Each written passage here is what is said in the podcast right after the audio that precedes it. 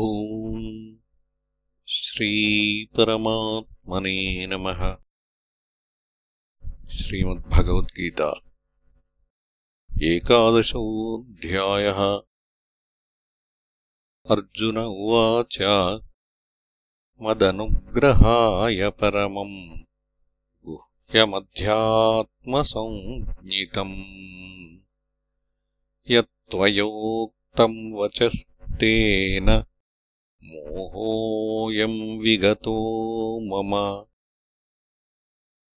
भवाप्ययौ हि भूतानाम्। श्रुतौ विस्तरशो मया।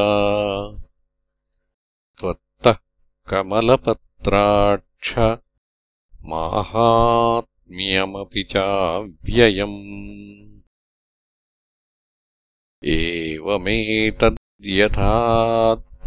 एवमेतद्यथार्थत्वम् आत्मानम् परमेश्वर। द्रष्टुमिच्छामि ते रूपम्। ऐश्वरम् पुरुषोत्तम। मन्यसे यदि तच्छक्यम् मया द्रष्टुमिति प्रभो योगेश्वर ततो मे त्वम् दर्शयात्मानमव्ययम्। श्रीभगवान् उवाच। पश्य मे पार्थरूपाणि शतशोऽथसहस्रशः। नानाविधानि दिव्यानि नानावर्णाकृतीनि च। पश्यादित्यान् वसून् रुद्रान् अश्विनौ मरुतस्तथा। बहून्यदृष्टपूर्वाणि पश्याश्चर्याणि भारत। इहैकस्थम् जगत्कृत्स्नम् पश्याद्य सचराचरम्। मम देहे गुडाकेश यच्चान्यद्द्रष्टुमिच्छसि।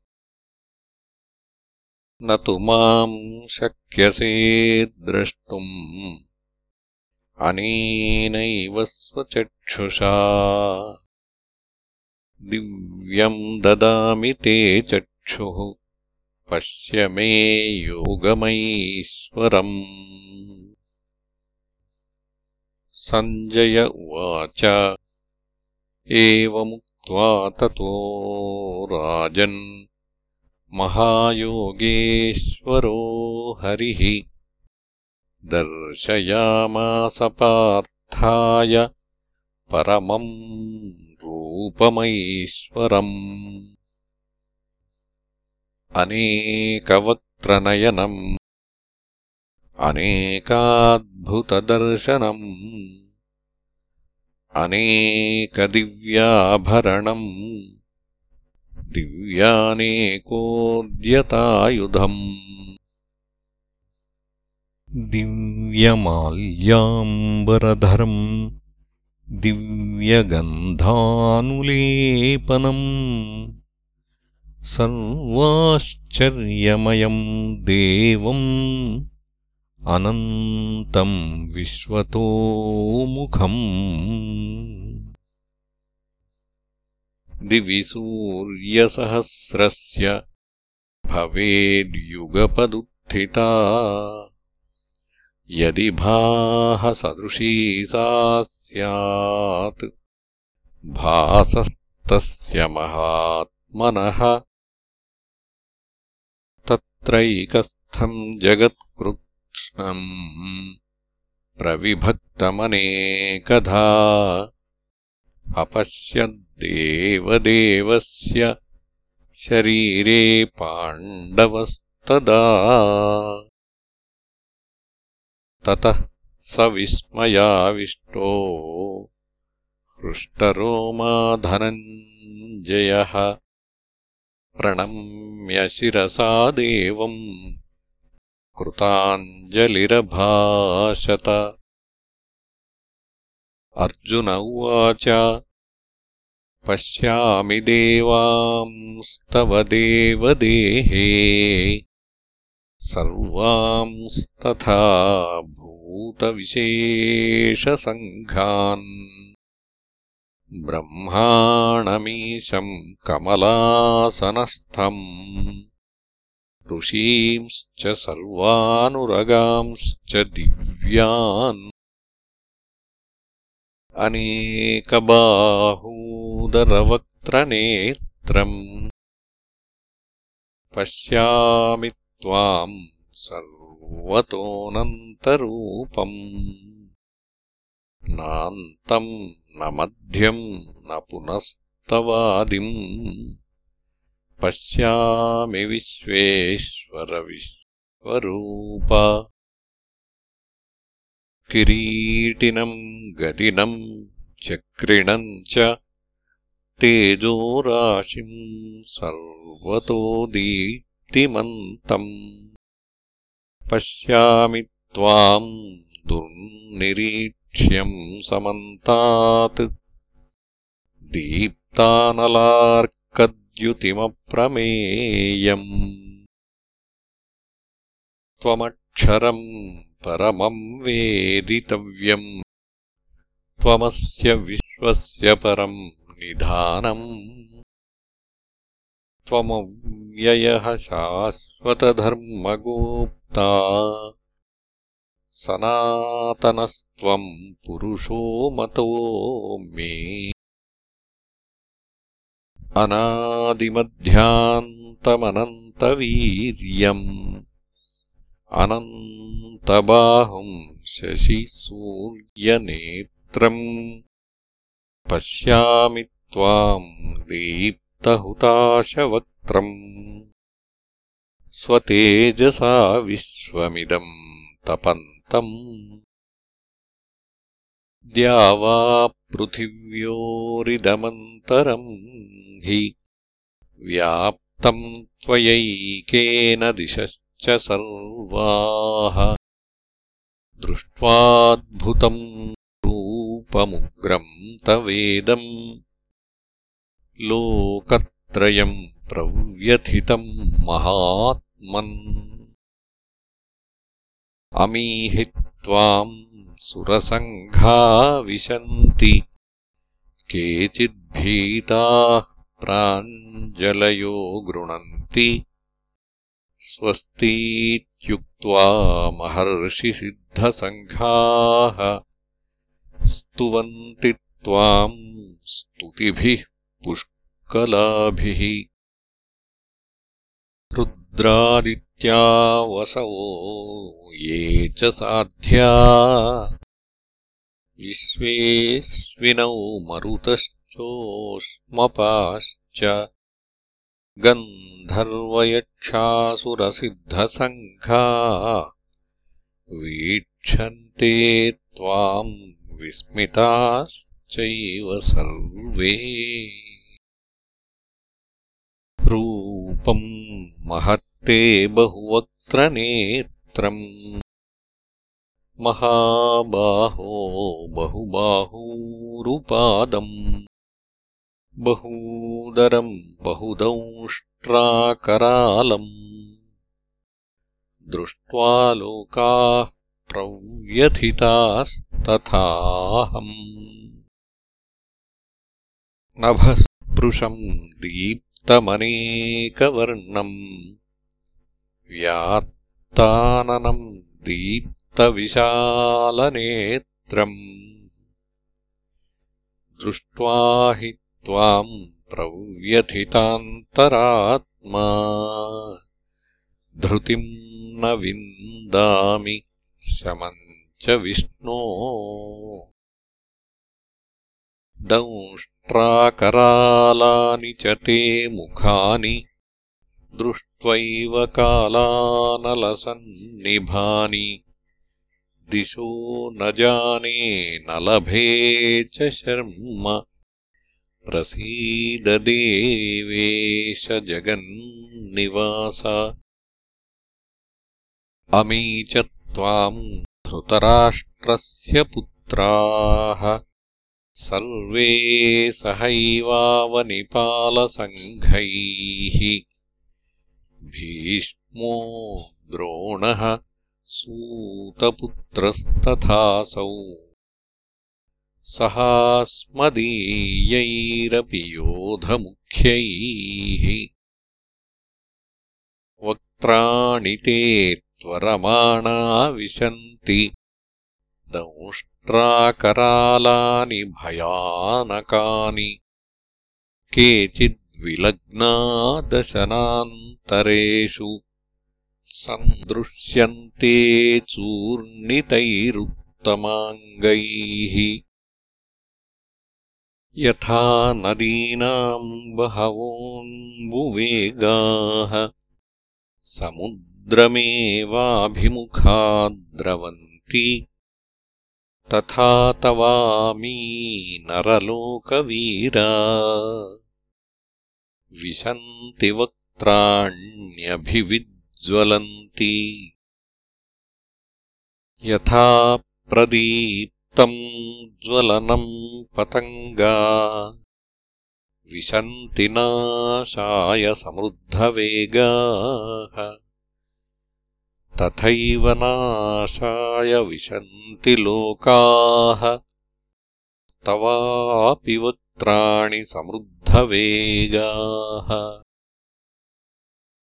लेलिह्यसेऽग्रसमानः समन्तात्। लोकान् समग्रान् वदनैर्ज्वलद्भिः तेजोभिरापूर्यजगत्समग्रम् भासस्तवोग्राः प्रतपन्ति विष्णो। आख्याहि मे को भवानुग्ररूपो। नमोऽस्तु ते देववरप्रसीद विज्ञातुमिच्छामि भवन्तमाद्यम्। न हि प्रजानामि तव प्रवृत्तिम्। श्रीभगवान् उवाच कालोऽस्मि लोकक्षयकृत्प्रवृद्धो। लोकान् समाहर्तुमिह प्रवृत्तः। ऋतेऽपि त्वाम् न भविष्यन्ति सर्वे एव स्थिताः प्रत्यनीकेषु योधाः। तस्मात् त्वमुत्तिष्ठयशो लभस्व जित्वा शत्रून् भुङ्क्ष्वराज्यम् समृद्धम्। मयैवैते निहताः पूर्वमेव निमित्तमात्रम् भव सव्यसाचिन् द्रोणम् च भीष्मम् च जयद्रथम् च कर्णम् तथान्यानपि योधवीरान् मया हतांस्त्वम् जहिमाव्यधिष्ठा युध्यस्वजेतासि रणे सपत्नान्। सञ्जय उवाच। एतच्छ्रुत्वा वचनम् केशवस्य कृताञ्जलिर्वेपमानः किरीटी। नमस्कृत्वा भूय एवाह कृष्णम्। स गद्गदम् भीतभीतः प्रणम्य अर्जुन उवाच स्थाने हृषीकेश तव प्रकीर्त्या। जगत्प्रहृष्यत्यनुरज्यते च। रक्षांसि भीतानि दिशो द्रवन्ति सर्वे नमस्यन्ति च सिद्धसङ्घाः। कस्माच्च ते न नमैरन्महात्मन्। गरीयसे ब्रह्मणोऽप्यादिकर्त्रे। अनन्तदेवेश जगन्निवास त्वमक्षरम् सदसत्तत्परम् यत् त्वमादिदेवः पुरुषः पुराणः।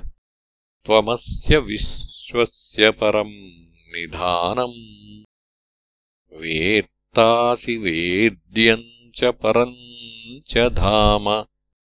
त्वया ततम् विश्वमनन्तरूप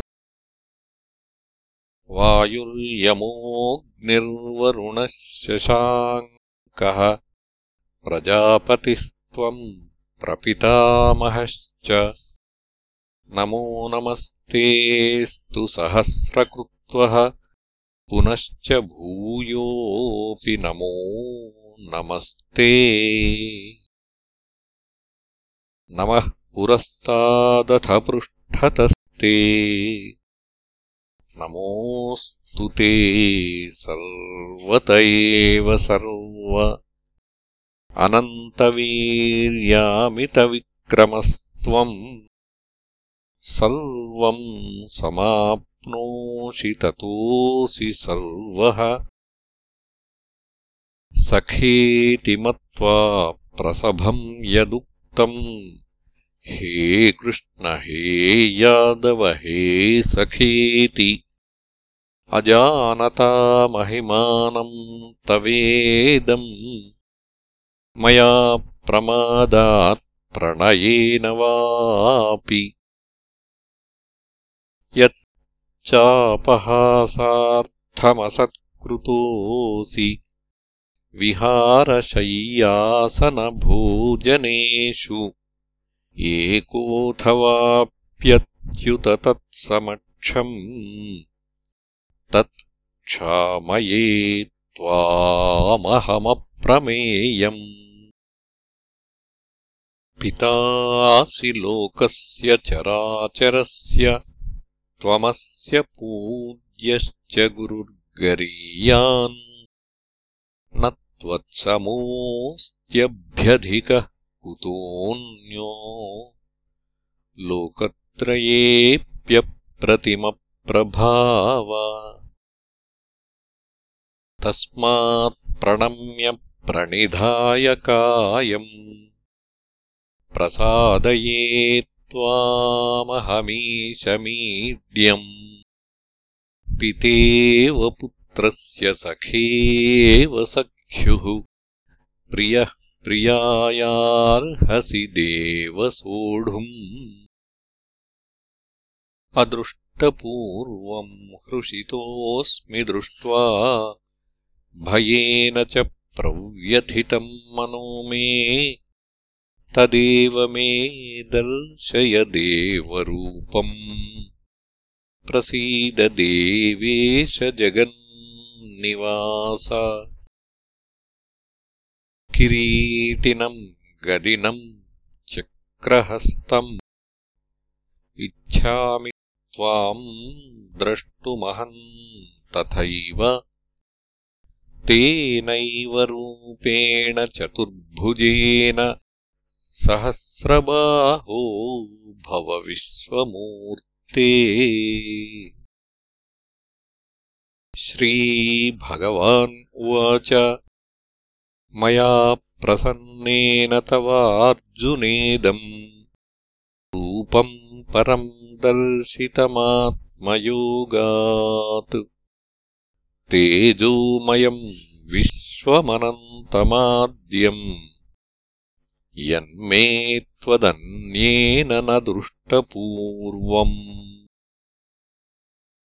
न वेदयज्ञाध्ययनैर्न दानैः न च क्रियाभिर्न तपोभिरुग्रैः। एवम् रूपः शक्य अहम् नृलोके द्रष्टुम् त्वदन्येन कुरु प्रवीर। मा ते व्यथा मा च विमूढभावो। दृष्ट्वा रूपम् घोरमेदृम् ममेदम्। व्यपेतभीः प्रीतमनाः पुनस्त्वम्। तदेव मे रूपमिदम् प्रपश्य। सञ्जय उवाच। इत्यर्जुनम् वासुदेवस्तथोक्त्वा स्वकम् रूपम् दर्शयामास भूयः। आश्वासयामास च भीतमेनम् भूत्वा पुनः सौम्यवपुर्महात्मा अर्जुन उवाच दृष्ट्वेदम् मानुषम् रूपम् तव सौम्यम् जनार्दन। इदानीमस्मि संवृत्तः सचेताः प्रकृतिम् गतः। श्रीभगवान् उवाच सुदुर्दर्शमिदम् रूपम् दृष्टवानसि यन्मम देवाप्यस्य रूपस्य नित्यम् दर्शनकाङ्क्षिणः। नाहम् वेदैर्न तपसा न दानेन न चेज्यया शक्य एवम् विधो द्रष्टुम् दृष्टवानसि माम् यथा। भक्त्या त्वनन्यया शक्य अहमेवम् विधोऽर्जुन। ज्ञातुम् द्रष्टुम् च तत्त्वेन प्रवेष्टुम् च परम् तप मत्कर्म मत्परमो मद्भक्तः सङ्गवर्जितः निर्वैरः सर्वभूतेषु यः स मामेति पाण्डव। ॐ तत्सदिति श्रीमद्भगवद्गीतासु उपनिषत्सु ब्रह्मविद्यायाम् योगशास्त्रे श्रीकृष्णार्जुनसंवादे विश्वरूपदर्शनयोगो नाम एकादशोऽध्यायः